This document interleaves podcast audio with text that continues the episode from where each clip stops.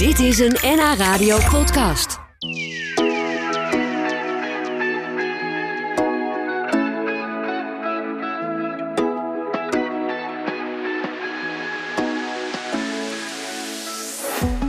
We gaan praten over tijdens de lunch. Want onze gast vandaag is Christian Toederake. Hij weet alles, maar dan ook alles van dit mysterieuze beest... dat de hele wereld overreist om zich vervolgens onder andere hier in Noord-Holland...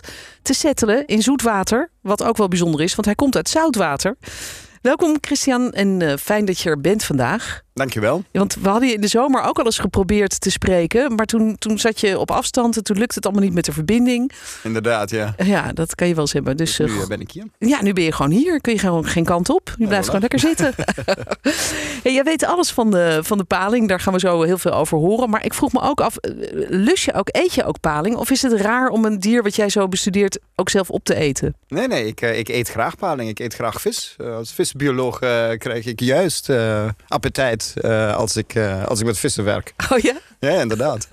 dus eh, zo'n Ja. broodje paling of Of een kibbelingetje? paling in het groen. Heel mooi recept Oh uit- ja. uit België. Wat is dat ook weer? Met... Oh, dat is met, eh, met kruidensaus en Oh ja. andere dingen. Ja, ja, lekker. Ja, Nou, de, de paling hebben we vandaag niet. Je hebt lekker een broodje hummus gehad. Dat is ook lekker.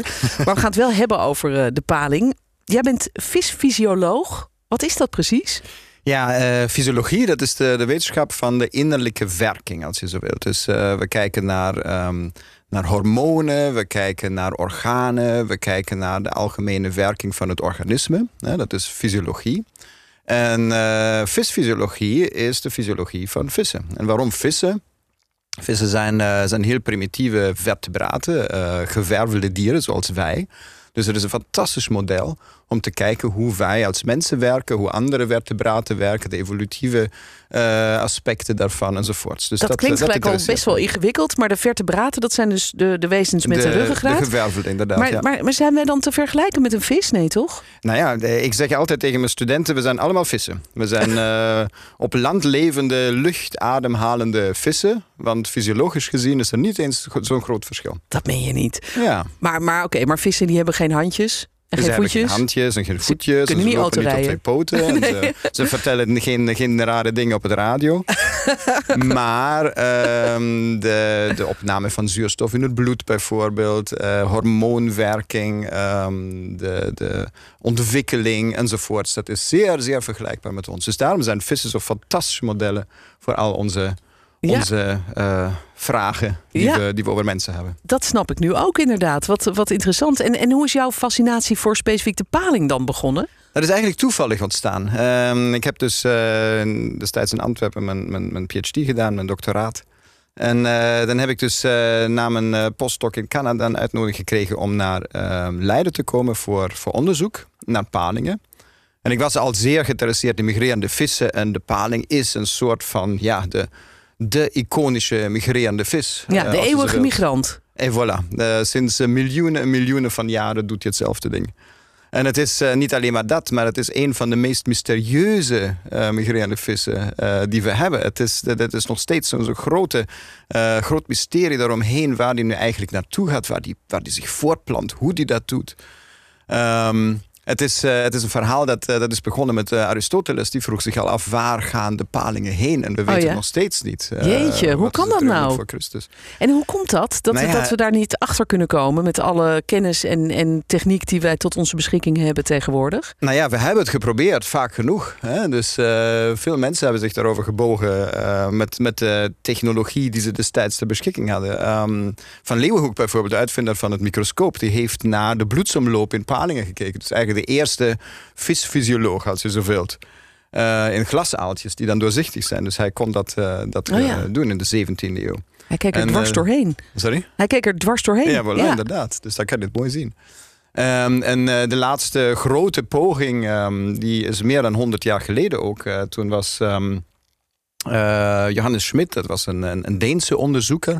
En die wilde dus kijken waar de kleinste larfjes, de kleinste jonge eh, palingen eigenlijk te vinden waren. Dus hij heeft over, over jaren en jaren de Atlantische Oceaan afgevaren met, eh, met een, een, een rij van kleine bootjes, vissersbootjes vanuit eh, Denemarken. En hij is dan ergens bij de zuidwestelijke Sargasso-zee uh, gekomen. En daar vond hij de kleinste leptocephalus-larven, zoals ze heten. En dat zijn kleine glasaaltjes Inderdaad, ja, ja, ja. ze zien een beetje anders uit dan, dan glasaaltjes. Zeg maar guppies, of nog pre-guppies eh, eigenlijk. ja, guppies zijn weer andere ah, vissen. Ja, dus oké. Ja, nee, dat, sorry, sorry. Nee, ik ga het niet compliceren. Hey, die, maar die, de, de, kleinste larven die waren daar. Ja, en waar is dat dan ongeveer? Waar ligt dat gebied? Nou ja, je moet je voorstellen, Atlantische Oceaan. Uh, het centrum, daar, uh, daar is zo'n zo'n heel grote uh, circulaire stroming die daarom, daaromheen gaat. Dat is de Sargassozee, dus bekend voor het uh, het, het zeevier Sargassum, daarom wordt het ook Sargassozee genoemd. Dat is een uh, zeevier dat precies daar juist voorkomt, dat de stroming het bij elkaar houdt. Ja, ja. en daar dus houden zij misschien erg van, van dat zeevier.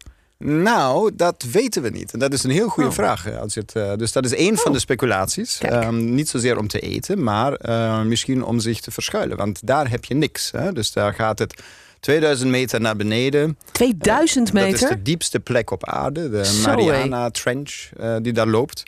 En deze palingen, die, uh, als, als het waar is dat ze daar in de buurt paaien, dus hij is eigenlijk niet zozeer in de, in de midden, maar uh, eerder zuidwestelijk daarvan, um, bij het uh, Bermuda-driehoek, ook weer zo'n mysterieuze plek. Zeker, daar um, verdwijnen al die vliegtuigen, toch? Precies, vliegtuigen, schepen enzovoort. Maar het blijkt dus daar ontzettend snel naar beneden te gaan. En dat is de reden waarom al deze vliegtuigen en schepen daar verdwijnen blijkbaar. En we weten van andere soorten palingen, de, de Japanse paling, uh, dat die van die onderwaartse, uh, onderwaterse gebergtes houden. Dat, dat die daar juist graag willen paaien, waar het heel sterk naar beneden gaat.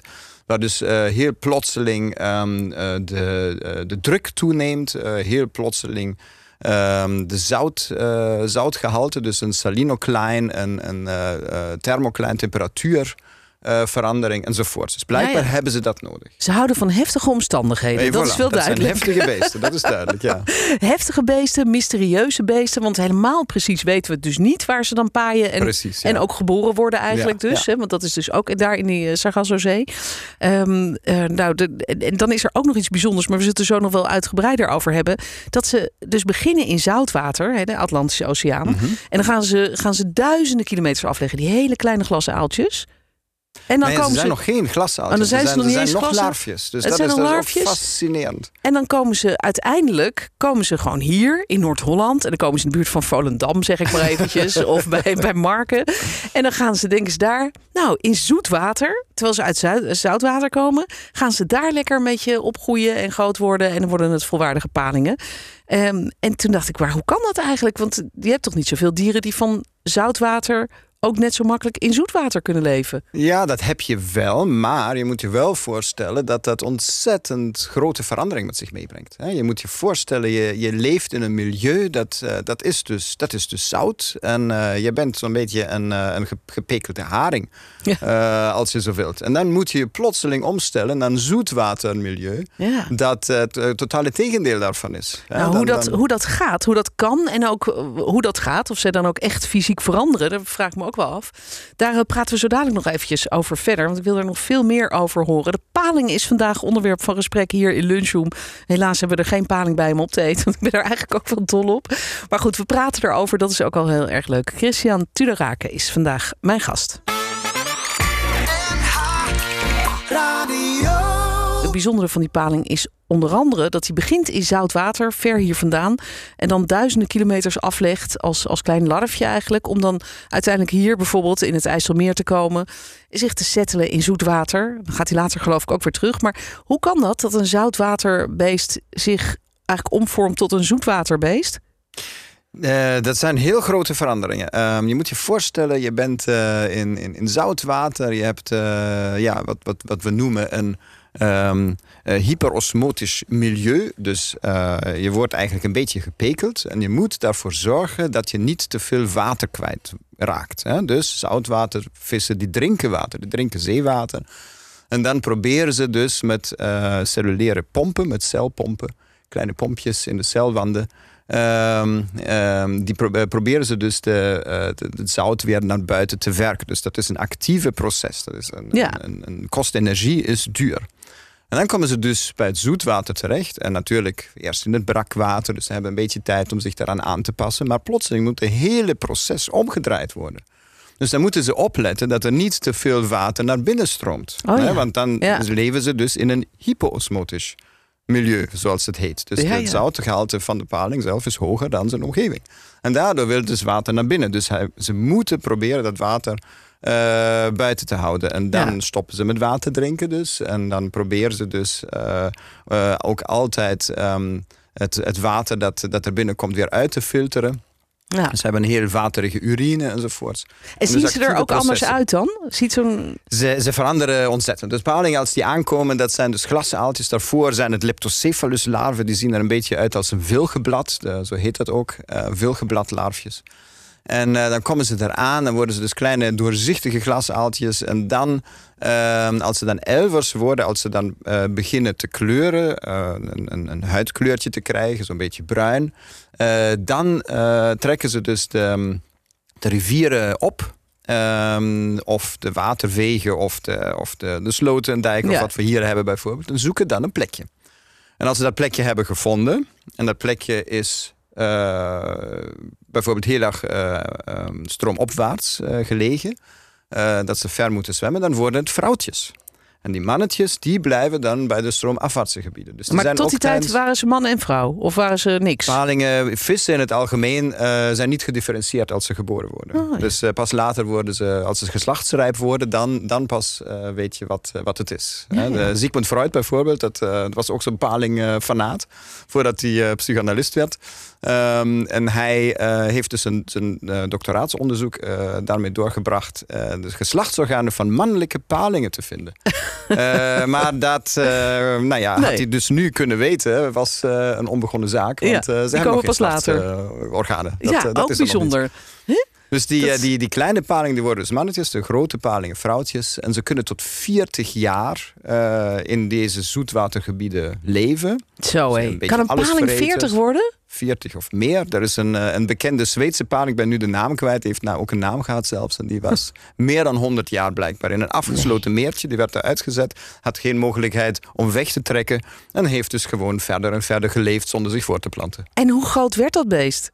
Eh, dat was een meter en nog wat. Ja, dus ja. eh, gemiddeld zijn palingen iets van 70, 80 centimeter. Dus dat was een groot, groot beest. Maar ze stoppen ook op een bepaald moment met, met groeien of hard groeien. Ja, Dus ja. ze groeien constant door. Maar En op een gegeven moment gaan ze dus ook weer terug naar de zee. Inderdaad. Dus En- in een, in een eh, maanloze nacht, ergens rond deze tijd eigenlijk. Dus een perfect moment om, om hier daarover te praten. Ehm, september, oktober, november. Maar waarom Ehm, maanloos? Omdat het piekdonker moet zijn. Oh, Dus die, eh, die beesten die oriënteren zich aan de maan en vooral aan de nieuwe maan. Dus als de maan er niet zichtbaar is, dan gaan ze pas echt op reis. oh, oké. Ehm, de theorie zegt uh, het is uh, predator uh, avoidance om predatoren uit te wijken. Maar ik geloof dat niet. Als ik een predator was en ik wist die beesten doen dat sinds miljoenen van jaren, dan Ja. wist ik precies wanneer ik Ja. buiten ben om een paling te vangen. Het is donker, we gaan eh, zitten. Voilà, dus Ja. eh, daarom gaat het niet. Ik denk eerder dat het, eh, dat het een, een, een oeroude ehm, eh, eh, hoe noem je dat, oriëntatie-instinct is. Dus Ja, ja. Dat, eh, dat die En dieren... misschien heeft het ook wel met eb en vloed te maken. Precies, want de maan heeft natuurlijk ook nog Dat is, dat is daarop. juist het punt. Dus dan weten ze ook eh, wanneer de springtijden zijn. Want als je maanloze nachten hebt, dan eh, is er een hogere kans op springtijd aan zee. En dan kunnen ze dus naar zee migreren en worden ze met deze springtijd meegenomen. Dus we Ja. zien dat natuurlijk niet, maar de, de, eh, de clue is de, de maanloze eh, nacht. Zo. Dan komen ze weer in zout water. Waar gaan ze dan naartoe? Is dat bekend? En dat, ja, dat is dan het grote mysterie. Dus, Nog weer een eh, groot mysterie. nou ja, dat, dat is eigenlijk het ding. Hè. Iedereen probeert dat, eh, dat te zoeken. Dus ze komen in zoutwater terecht. Ze beginnen direct met iets wat we verticale migratie noemen. Dus over, overdag eh, zitten ze ergens diep, iets van 500 meter diep. En overnacht eh, komen ze weer aan de oppervlakte en gaan dus deze verticale migratie eh, van boven naar beneden elke dag eh, uitvoeren. Maar ze gaan dus dieper en dieper en dieper. En op het laatste moment, we hebben, niet wij, maar collega's van mij hebben palingen ge, getagd. Eh, en, die, en, en, en die zagen dan dat deze dieren op het laatste moment, dat die tag nog werkte. Want die tag is dan op een bepaald moment geïmplodeerd van die druk onder water. Jeetje. Zaten ze tussen 500 en 1000 meter. Nee. En dat is En- natuurlijk ook zo'n ding. Wat doen ze daar? Waarom Ja. gaan ze die verticale migratie uitvoeren? Ja, dat zijn gigantische drukverschillen. En daar Eh, komen ze nooit meer uit. Daar, daar blijven ze dan. Dus en dan daar- gaan ze dus, als het goed is, op deze manier helemaal naar de plek waar ze gaan paaien. En daar gaan Oh. ze dan in zo'n mass spawning event ehm, gewoon eh, eieren en zaad lossen. En dan gaan ze daar dood. Dus het is het laatste ding wat ze doen op Ja. aarde in hun Nou, leven. ze gaan wel out with a bang, zullen we maar zeggen. Nou ja, dat, eh, zo kan je het uitdrukken, inderdaad. Maar goed, hey, maar de, ja, het zijn echt fascinerende verhalen. Het is toch niet te geloven? Er, waarom zijn er niet al honderdduizend films over de paling gemaakt? Nou, die zijn er zijn misschien ook boeken wel- en films, Ja. en, eh, maar we hebben heel weinig materiaal. We, we weten niet meer dan wat we eigenlijk in het zoetwater zien. Hè. De- alles wat, wat ik nu aan het vertellen ben, dat is samengeraapt uit onderzoeken Ja. met eh, ontzettend dure satellietentekst bijvoorbeeld. Eh, die dan eh, niet eens de, de grote drukverschillen stand houden. Dus eh, je, je kan ze niet langer volgen dan een paar honderd kilometer. Je moet je voorstellen, het zijn 10.000 kilometer die ze hier van, van deze kusten naar hun mogelijke paaigebied. Ja, en het is dus een wonder dat ze dat redden. Want er zijn natuurlijk onderweg allerlei beesten die ze tegen kunnen komen. Precies, ja. De Vind je het grote eigenlijk dan niet- predatiedruk. Ja, vind je het eigenlijk dan niet toch jammer om ook dat als wij allemaal broodjes paling eten? Want het is toch zo'n bijzonder beest? Dan moeten we ze toch een beetje beschermen. Nou ja, eigenlijk is het zo dat je de paling een handje helpt als je een broodje paling eet. En Want? dat komt daardoor dat ehm, dus die, die eh, miljoenen en miljoenen van glasaaltjes die elk jaar eh, naar de kusten van Nederland komen, ehm, die hebben een heel lage overlevingskans. Hè, dus eh 80, 90 procent van die beesten gaat dood. Ja. Dat is, eh, die, die bereiken niet eh 40 eh, jaar en, en kunnen dan niet eh, uit, uitmigreren en, en hun ding doen. Ehm, dus wat gebeurt er? Een aantal van deze glasaaltjes die worden dus eh, in kwekerijen gezet. Ah, En die worden dan Ja. opgegroeid. En dat is natuurlijk voor commerciële doeleinden, want je wilt de paling ook verkopen. De, kwekerij, veel van deze kwekerijen zitten aan de Duitse grens. Want dan kunnen ze de kleine mannetjes naar Leen verkopen en de grote vrouwtjes eh, naar Duitsland. ja. Eh, maar ik snap hem. Dat, dat betekent dus dat er is geld te verdienen. Dus worden eigenlijk die glasaaltjes opgekweekt en beschermd. precies. En dus blijven ze bestaan. Precies. En Een grote aantal van die deze dieren die dan niet verkocht worden, die worden weer teruggezet. Ja, ja, Dus die, eh, de kans dat ze dan in een kwekerij overleven is veel hoger. En je kan ze ook nog daarbij helpen om de populatie te ja, verbeteren. Ik ga straks een broodje paling halen. Dank je wel. het, is, het is een wonderlijk, wonderlijk verhaal. En eh dank je wel dat je ons even mee hebt genomen in de wereld van de paling. Mijn plezier, dank u. Dit was een NH Radio podcast. Voor meer, ga naar nhradio.nl. Radio.